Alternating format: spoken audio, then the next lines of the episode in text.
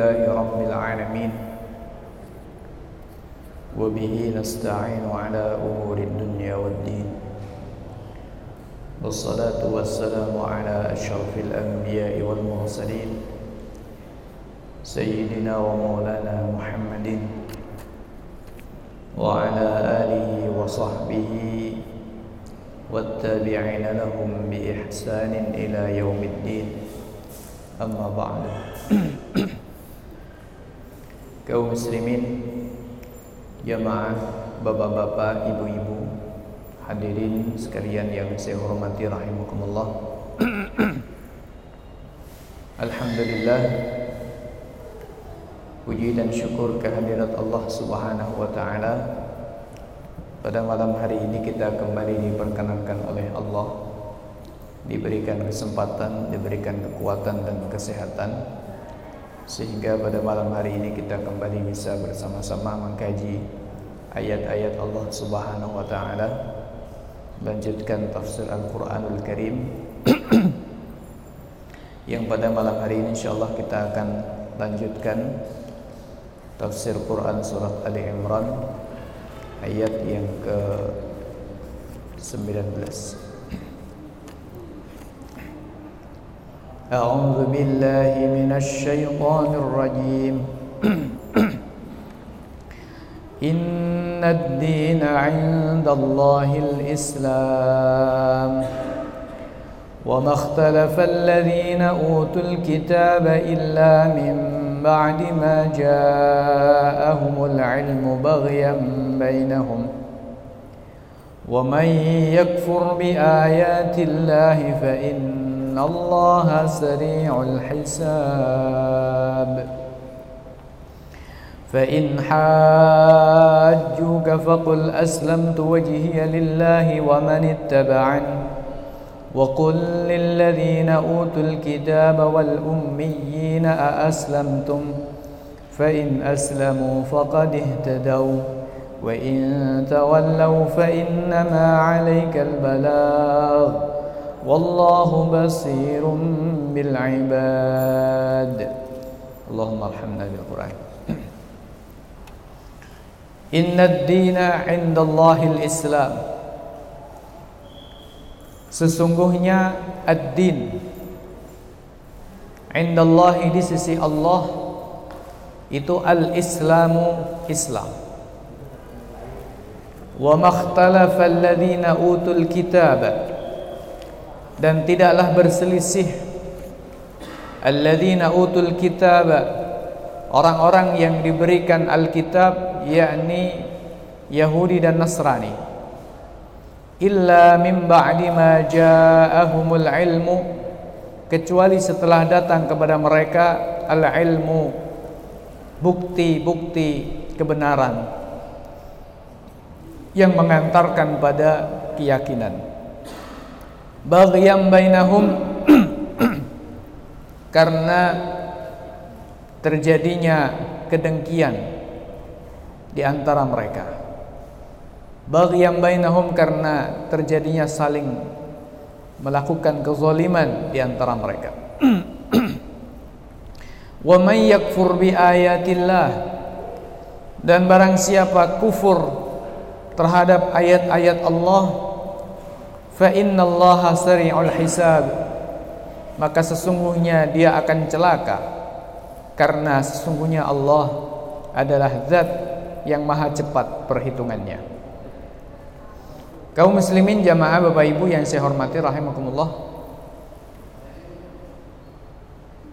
Pada pertemuan sebelumnya telah kita sampaikan bahwa firman Allah Subhanahu wa taala ini dimulai dengan taukid, dibuka dengan penegasan sesungguhnya. Yang mana dalam kebiasaan bahasa Arab dalam penggunaan atau penuturan bahasa Arab tidak didatangkan taukid, tidak ditangkap, didatangkan penegasan kecuali ada muktadi, ada hal-hal yang memang menuntut untuk terjadinya penegasan. Dan di antara hal-hal yang menuntut terjadinya penegasan adalah adanya pengingkaran dari mukhotob atau dari lawan bicara. Atau adanya perdebatan terkait dengan informasi yang disampaikan. Atau terjadinya keraguan-raguan. Munculnya pertanyaan-pertanyaan seputar informasi yang disampaikan begitu biasanya hal-hal yang menuntut terjadinya atau kit atau penekanan. Nah, Bapak Ibu yang saya hormati rahimakumullah. Ketika kita baca kandungan ayat ini, yakni innad dina indallahil Islam, maka kita faham bahwa memang manusia sejak lama sekali, sejak sebelum Islam, mereka itu selalu dan senantiasa berselisih dalam urusan agama. Jadi sejak pasca Nabi Nuh alaihi salam dikatakan oleh para ulama ketika menafsirkan ayat kana nasu ummatan wahidatan faba'atsallahu an-nabiyyina mubasysyirin wa mundzirin wa anzala ma'ahumul kitaba bil haqq. Menurut penafsiran para ulama firman Allah Subhanahu wa taala kana nasu ummatan wahidah. Dahulu manusia itu ummatan wahidah berada dalam satu agama yaitu agama tauhid. Lalu mereka terjadi perselisihan. Faba'atsallahu nabiyyin kemudian Allah mengirimkan para nabinya. Kata para ulama dimulai sejak zaman Nabi Nuh alaihi salam sebelum era Nabi Nuh alaihi salam manusia masih mengikuti satu agama yaitu agama tauhid. Agama yang mengesahkan Allah Subhanahu wa taala yakni agama nabi-nabi Allah Subhanahu wa taala sebelum Nabi Nuh alaihissalam. Ada Nabi Adam ada Nabi Idris dan nabi-nabi setelahnya kaum muslimin jamaah Bapak Ibu yang saya hormati rahimakumullah. Nah pertanyaannya dengan turunnya para nabi dengan diutusnya para nabi dan diturunkannya kitab-kitab Allah Subhanahu wa taala apakah berarti perselisihan tentang agama itu selesai? Jawabannya tidak. Dan itu akan terus terjadi sampai hari kiamat. Al-Quran mengatakan wala yazaluna mukhtalifin. Dan tidak henti-hentinya manusia itu akan terus berselisih karena itu merupakan sunnatullah dan telah ditetapkan oleh Allah Subhanahu wa taala sebagai ujian untuk menguji manusia manakah mereka yang mengikuti jalan Allah Subhanahu wa taala dan mana yang mengikuti subulas syaitan, jalan-jalan setan. Bapak Ibu yang saya hormati rahimakumullah. Dan sebagaimana yang sudah kita sampaikan berkali-kali bahwa Awal-awal Quran surat Ali Imran ini berbicara tentang perdebatan Nabi Muhammad sallallahu alaihi wasallam dengan kaum Nasrani Najran berkaitan dengan status Nabi Isa alaihissalam, status agama Allah, status ketauhidan. Maka di sinilah letak Allah Subhanahu wa taala, posisi Allah Subhanahu wa taala menyampaikan ayat yang ke-19 ini dengan menggunakan taukid. Tepat sekali langsung Allah Subhanahu wa taala mengatakan innad dina. Sesungguhnya. Kenapa? Karena ini menjawab berbagai macam pertanyaan berkaitan dengan keagamaan. Menjawab keraguan-raguan sebagian manusia. Menjawab pengingkaran atau penolakan sebagian manusia tentang apa yang dibawa oleh Nabi Muhammad sallallahu alaihi wasallam yaitu Islam sebagai satu-satunya agama yang diridhoi oleh Allah Subhanahu wa taala. Maka Allah menegaskan dengan firman-Nya innad dina sesungguhnya agama. Indallahi di sisi Allah al-islamu Islam. Bapak Ibu yang saya hormati rahimakumullah, ini tambahan keterangan yang pada pekan yang lalu sudah kita sampaikan beberapa poinnya. Yang kedua, Bapak Ibu yang saya hormati rahimakumullah, ayat inna dina indallahil Islam ketika kita baca dengan uh, bahasa Arab dengan sastra Arab maka kita menjumpai bahwa susunan ad-dinu indallahil Islam susunan ad-din indallahil Islam ini memberikan makna qasar. Memberikan makna hasr atau qasar. Bisa disebut dengan al-qasar bisa disebut dengan al-hasr. Sama maknanya yaitu pembatasan. Artinya bagaimana maksud dari pembatasan itu? Maksudnya adalah bahwa satu-satunya ad-din yang kita terjemahkan dengan agama satu-satunya ad-din itu adalah Islam. Satu-satunya ad-din di sisi Allah Subhanahu wa taala itu Islam. Jadi maknanya ini pembatasan. Artinya di sisi Allah Subhanahu wa taala tidak ada din selain Islam. Tidak ada din yang diterima oleh Allah selain Islam. Ini sebagaimana firman Allah Subhanahu wa taala di dalam ayat yang lain, "Wa may yabtaghi ghairal islami dinan fala yuqbala minhu wa huwa fil akhirati minal khasirin." Siapa saja yang mencari ghairal islami selain Islam, dinan sebagai din, fala yuqbala minhu, maka tidak akan diterima dari dia wa huwa fil akhirati minal dan kelak di akhirat dia termasuk orang-orang yang merugi. Jadi sekali lagi ayat ini memberikan pengertian pembatasan di sisi Allah Subhanahu wa taala itu hanya ada satu din yaitu Islam. Kaum muslimin jamaah, Bapak Ibu yang saya hormati, rahimakumullah. Lantas apa yang dimaksud dengan din ini? Secara pengertian bahasa, ad-din itu asal maknanya adalah pembalasan. Makanya ketika kita membaca surat Al-Fatihah ada di situ Maliki Yaumiddin. Artinya zat yang maharaja menjadi raja, penguasa pada hari pembalasan. Maliki Yaumiddin. Itu makna bahasa ad-din itu pembalasan. Bisa juga makna ad-din itu diambil dari kata dana yadinu, dianah yang artinya ketundukan. Dana bermakna ketundukan. Kenapa ad-din yang diterjemahkan dalam bahasa Indonesia meskipun terjemahan ini antara tepat dan tidak tepat bisa diperdebatkan diterjemahkan dengan agama. Kenapa disebut dengan ad-din? Karena konsep yang ada di dalamnya itu ditunduki, diikuti,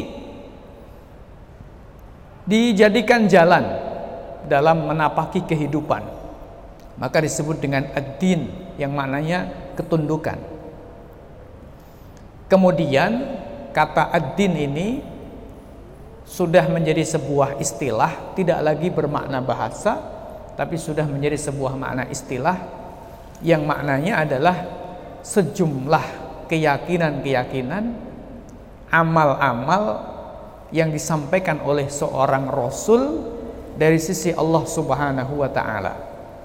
Di mana mereka yang mengamalkan dan mengikuti akidah-akidah ini dijanjikan oleh Allah dengan kenikmatan di surga. Sebaliknya siapa yang berpaling dari ad-din ini yakni dari sejumlah keyakinan dan amal-amal ini diancam oleh Allah dengan siksa di nerakanya. Itu makna istilah. Sebagaimana yang sudah kita fahami bersama. Ketika kita menyebut ad-din lalu dalam bahasa kita terjemahkan agama itu maknanya adalah sejumlah keyakinan-keyakinan, akidah-akidah dan amal-amal. Jadi isinya adalah al-aqaid, isinya adalah al-afkar, pemikiran-pemikiran, al-yaqiniyat, isinya adalah keyakinan-keyakinan, al-i'tiqadat, ke keyakinan-keyakinan atau akidah-akidah dan amal, amal-amal. Jadi dalam Islam misalnya dalam agama Islam misalnya dalam din Islam kita ada afkar, pemikiran-pemikiran tentang akidah, tentang iman kepada Allah, tentang iman kepada Rasulullah sallallahu alaihi wasallam, tentang hari kiamat, tentang surga, tentang neraka, tentang malaikat dan seterusnya. Begitu pula ada amal, ada amal mulai dari salat, zakat, puasa, haji, jihad fisabilillah, sedekah, infak dan seterusnya hingga amal-amal yang uh, banyak sekali yang tidak bisa kita sebutkan satu persatu.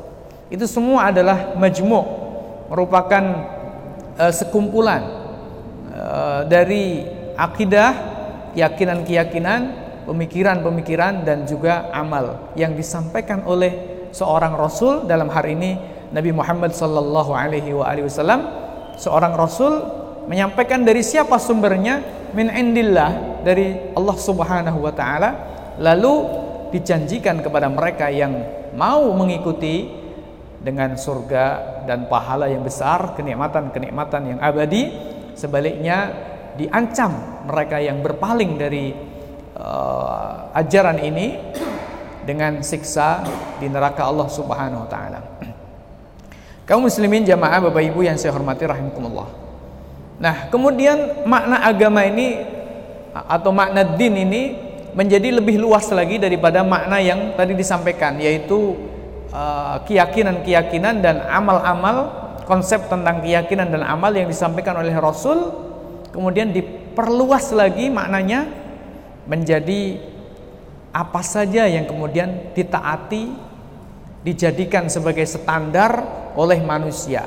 Apakah itu bersumber dari Allah ataukah tidak bersumber dari Allah Subhanahu wa taala. Sehingga kemudian ada namanya ad-din as-sahih, agama yang benar yaitu sumbernya Allah dan ada yang ad-din al-batil yaitu agama yang batil ketika sumbernya adalah selain Allah Subhanahu wa taala.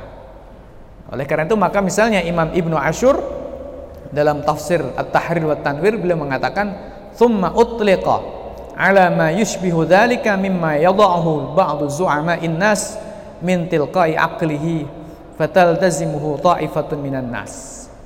Kemudian sebutan agama ini diperluas untuk menyebut apa saja yang dijadikan komitmen ditaati, dijunjung tinggi diharga matikan dalam bahasa lainnya bahasa yang sering kita dengar oleh manusia. Apakah itu e, dari sisi manusia apakah itu dari Allah Subhanahu wa taala? Semuanya dalam pengertian ini disebut dengan din. Cuma tadi kita sampaikan akhirnya kemudian ada istilah ad-dinus sahih agama yang benar yaitu adalah dari sisi Allah Subhanahu wa taala dan ada kemudian ad-dinul batil agama yang batil yaitu ketika e, dari selain Allah Subhanahu wa taala. Oleh karena itu Bapak Ibu yang saya hormati rahimakumullah ketika bangsa Quraisy misalnya atau bangsa Arab mengharga matikan tradisi nenek moyang mereka sehingga ketika mereka itu diajak untuk beriman kepada apa yang Allah Subhanahu wa taala turunkan kepada rasulnya wa idza qila lahum ma anzalallahu ketika dikatakan kepada mereka ikutilah apa yang Allah turunkan mereka mengatakan qalu bal bal nattabi'u ma alfaina alaihi aba'ana mereka mengatakan nggak mau. Kami mau mengikuti tradisi apa yang sudah diwariskan oleh nenek moyang kami. Itu agama. Karena mereka komitmen menjaga itu. Itu agama. Jadi apa yang kita lihat hari ini di sekitar kita, mohon maaf, ketika ada hal-hal yang itu disakralkan, hal-hal yang itu dijadikan harga mati, dikomitmenkan sedemikian rupa sehingga dia berani benturkan dengan segala hal ini setara atau kalau tidak bisa dikatakan agama ini setara menjadi agama. Oleh karena itu beberapa kalangan menyatakan diri secara tegas beberapa kalangan seperti di di acara televisi di diwawancarai salah satu uh, stasiun televisi. Saya persisnya agak lupa namanya siapa tidak penting saya sebut juga. Menyatakan bahwa Pancasila ini menjadi agama bagi bangsa Indonesia. Jadi begitu. Naudzubillah min Bapak Ibu yang saya hormati rahimakumullah. Jadi begitulah makna agama. Sehingga ketika ada sesuatu diharga matikan, dijadikan sesuatu yang harus dikomitmeni terus menerus, tidak boleh ditinggalkan, harus begini. Maka ini levelnya menjadi agama. Terlepas siapa yang membuat, terlepas siapa yang meletakkan apakah disepakati bersama hasil konsensus katanya? Konsensus bangsa misalnya? Atau itu hasil warisan nenek moyang tradisi budaya atau kemudian warisan kearifan lokal dan seterusnya bahasa sekarang yang sering kita dengar? Ataukah itu dari Allah Subhanahu wa taala? Itu agama. Nah cuma tadi kita katakan ada ad-din as-sahih ada ad-dinul batil ada agama yang sahih yaitu ketika bersumber dari Allah Subhanahu wa taala dan ada ad-dinul batil, ada agama yang batil yaitu selain dari Allah Subhanahu wa taala. Maka di sini Quran mengatakan innad dina 'indallahil Islam. Quran mengatakan semua itu batil kecuali satu Islam. Semua itu tidak diterima oleh Allah kecuali satu yaitu Islam. Inilah yang dimaksud dengan al-hasr atau al-qasr. Bapak Ibu yang saya hormati rahimakumullah.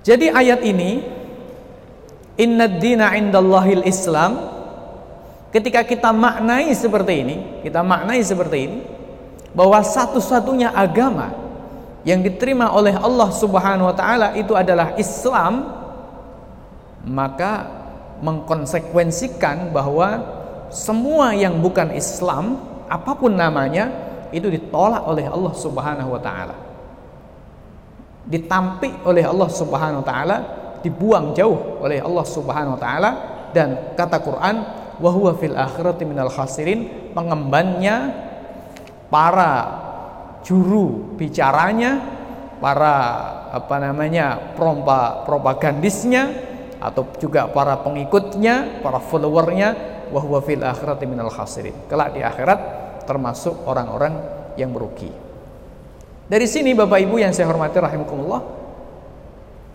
jelas nyata kesalahan manusia yang mengatakan bahwa semua agama benar. Allah mengatakan inna dina indallahil Islam. Lalu ada manusia mengatakan semua agama benar. Semua menuju pada Tuhan yang sama. Kalau semua menuju pada Tuhan yang sama dan semua agama benar, Ngapain juga Rasulullah Shallallahu Alaihi Wasallam susah-susah 23 tahun berjibaku sedemikian rupa hingga rela diusir dari tanah kelahirannya hingga rela sedemikian rupa mengorbankan jiwa, nyawa dan hartanya. Begitu pula para sahabat beliau Shallallahu Alaihi Wasallam radhiyallahu anhum yang mengorbankan jiwanya, mengorbankan hartanya. Sedemikian rupa kalau kemudian dikatakan semua agama sama menuju pada Tuhan yang sama. Untuk apa mereka? Mereka orang gila berarti. Rasulullah orang gila. Para sahabat orang gila. Kenapa? Karena toh semua sama, kenapa dibikin ribut sedemikian rupa? Begitu maknanya. Siapa yang mengatakan seperti ini? Bapak Ibu yang saya hormati rahimakumullah dan itu ada. Oleh karena itu Bapak Ibu yang saya hormati rahimakumullah, siapa yang beriman kepada ayat ini, Inna dina indallahil Islam, maka meniscayakan dia menolak semua agama selain Islam. Bukan berarti maknanya menolak itu terus kemudian ngebukin orangnya, oh itu lain. Bukan berarti mana menolak itu terus mengusir orangnya, pelak, apa penganut agama lain, oh itu lain, bukan. Bukan begitu makna maknanya dan itu tidak diajarkan oleh Allah Subhanahu wa taala. Tetapi dalam hal konsep, dalam hal keyakinan tidak boleh ada campuran dalam hati kita, dalam hati kaum muslimin untuk menyatakan bahwa semua agama itu benar. Tidak ada sedikit pun bersitan seperti itu, tapi harus mengatakan semua agama selain Islam itu salah, batil. Batil itu artinya salah batil. Begitu. Suka atau tidak suka orang lain kita katakan seperti itu, kita wajib katakan bahwa semua agama selain Islam itu batil. Mungkin ini radikal, tapi ini Quran. Ini bukan tafsir. Ini teks Quran. Ya, ini bukan tafsir tapi teks Quran. Inna dina indallahil Islam. Sehingga siapa yang kemudian mengatakan bahwa semua agama itu benar menurut Allah, semua menuju pada Tuhan yang sama, semua pada level yang sama, maka dia kufur dengan ayat ini. Kafir dengan ayat ini siapa yang kafir dengan satu ayat, dia kafir dengan seluruh Quran. Kafir kepada Quran ya kafir kepada Nabi Muhammad, kafir kepada Allah Subhanahu wa taala. Meskipun wa in shalla wa in zakka, sekalipun dia salat, zakat, soma wa hajja, puasa dan haji. Bapak Ibu yang saya hormati rahimakumullah. Jadi ini pemikiran yang berkembang hari ini dan terus ada yang mempropagandakan berkaitan dengan yang kita sebut dengan kesetaraan agama atau kesamaan agama atau yang semacam dengan itu, maka kita harus eh, hati-hati uh, dan kita harus paham betul karena ini persoalan yang mendasar. Bapak Ibu yang saya hormati rahimakumullah. Kenapa seperti itu? Ini konsekuensi dari apa yang kemarin kita sampaikan yaitu la ilaha illa huwa la ilaha illa huwal azizul hakim la ilaha illallah itu isinya dua jadi kalimat la ilaha illallah itu isinya dua yang pertama adalah isinya an-nafyu penafian penafian itu artinya menafikan semuanya kata-kata la ilaha tidak ada Tuhan, tidak ada sesembahan, tidak ada yang berhak untuk disembah dengan benar. Itu maknanya menafikan semua sesembahan yang ada di agama apa pun. Lalu illallah itu isbat, positif, menetapkan satu-satunya yang berhak disembah itu Allah. Itu makna kalimat tauhid. Jadi makna kalimat tauhid itu dua, yaitu an-nafyu, penafian dan al-isbat penetapan. Maka orang tidak boleh kemudian saat yang sama iman kepada Allah tapi juga iman kepada selain Allah. Itu tidak diterima. Saya yakin kok kalau uh, Allah itu Tuhan. Tapi saya juga yakin kalau si anu si anu itu juga Tuhan. Itu tidak diterima. Itu namanya musyrik. Tidak diterima. Al-Qur'an mengatakan wa may yu'min billah wa may yakfur bitaghut wa yu'min billah. Jadi syaratnya dua. Wa may yu'min wa may yakfur bitaghut siapa yang kufur terhadap taghut wa yu'min billah dan iman kepada Allah. Jadi tidak bisa man yu'min bitaghut wa yu'min billah. Iman kepada taghut dan iman kepada Allah tidak bisa.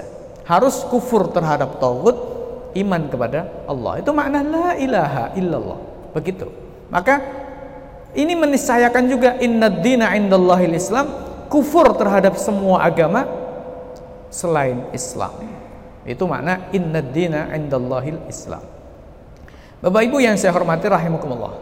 Lantas apa yang dimaksud dengan Islam ini?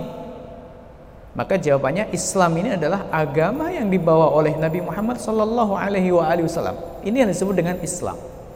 Untuk agama-agama Nabi sebelum Nabi Muhammad sallallahu alaihi wasallam tidak pernah Allah menyebutnya dengan bahasa al-Islam dengan menggunakan kata al-Islam definitif pakai kata al dalam bahasa Arab ya dalam bahasa Inggrisnya itu pakai the definitif al-Islam itu tidak pernah Allah gunakan untuk uh, para agama para nabi-nabi sebelum Nabi Muhammad sallallahu alaihi wasallam Ketika misalnya Ibrahim mengatakan wa ana minal muslimin, itu konteksnya maknanya berserah diri.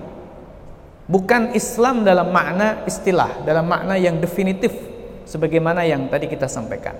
Nah, pertanyaannya kalau begitu, kalau satu-satunya agama yang diterima oleh Allah itu adalah Islam, lantas bagaimana agama-agama para nabi sebelum Islam? Jawabannya diterima oleh Allah Subhanahu wa taala karena konteks ayat ini adalah setelah atau pasca turunnya Al-Qur'an, pasca diutusnya Nabi Muhammad sallallahu alaihi wasallam karena memang posisi posisi Islam ini menghapus semua agama-agama sebelum Islam yang pernah Allah Subhanahu wa taala turunkan, agama Nabi Musa alaihissalam, agama Nabi Isa alaihissalam, agama agama sebelumnya dihapus oleh Allah SWT dianggap sudah selesai uh, masa berlakunya kira-kira begitu kemudian diganti oleh Allah Subhanahu wa taala dengan agama yang baru secara tauhid sama secara syariat yakni secara amal praktis amal praktisnya setiap harinya atau